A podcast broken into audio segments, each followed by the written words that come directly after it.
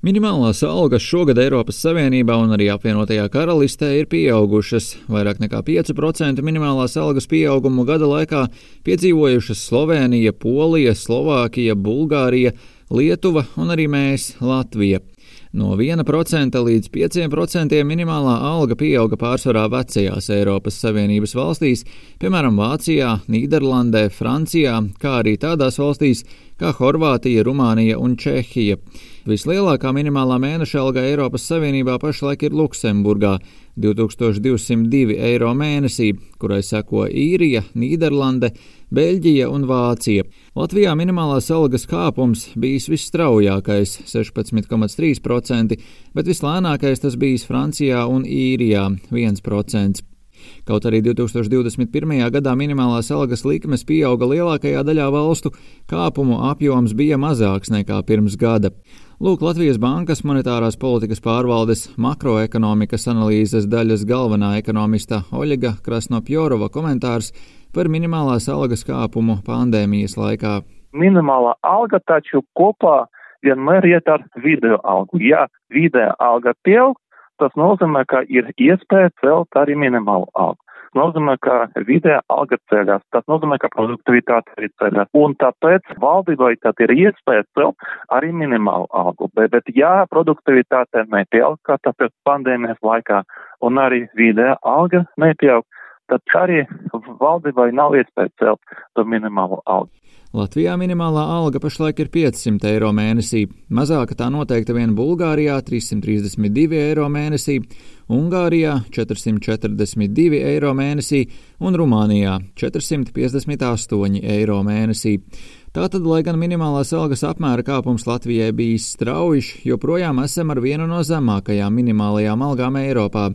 Un, lai kā cilvēkiem gribētos krietni pietuvoties augšgalam, Latvijas bankas ekonomists brīdina pilnīgi skaidrs, ka minimālā alga tā nav nekāda brīnuma nuļņa, kas var tagad uzreiz mazināt ienākumu nevienlīdzību, tuvināt Latvijas algas rietuma Eiropas līmenim un piepildīt valsts budžetu. Tieši otrādi, ja minimālo algu ceļ par daudz, nodara vairāk kaitējuma nekā labuma. Kā skaidro ekonomists, minimālās algas kāpumam jābūt nestraujākam par vidējās algas un produktivitātes pieaugumu.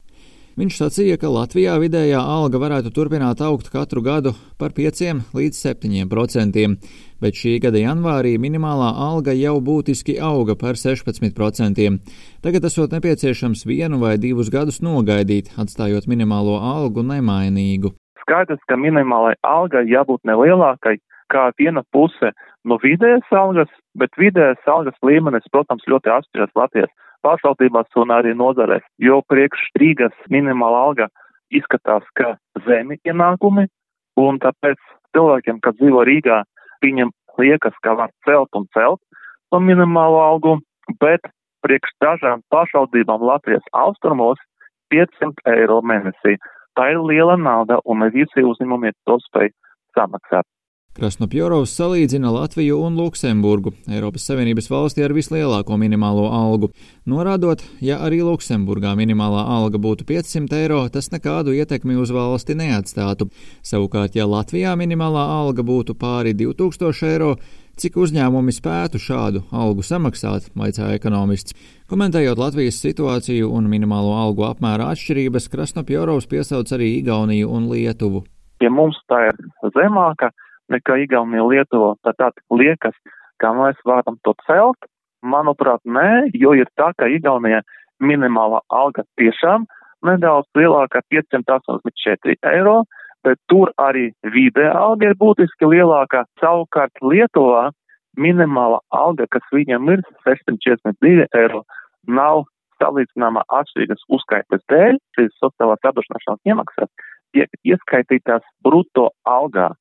Ja, un tur bija tā, ka 19. gadā oficiālais atalgojums, visu oficiāls atalgojums gan vidē alga, gan minimāla alga pieauga tīri oficiāli par 29%, bet reāla labklājība no tā nemainījies. Tādējādi ar Lietuvu minimāla alga vispār nav salīdzināma.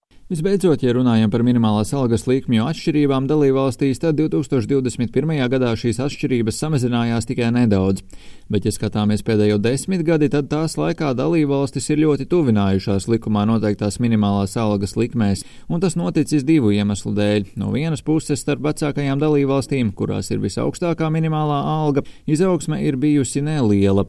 No otras puses, ir panākts ievērojams progress to valstu vidū, kurām ir viszemākās minimālās algas algas, un kuras attiecīgajā periodā tās ir vismaz divkāršojušas. To vidū arī Baltijas valstis. Rihards Plome, Latvijas radio.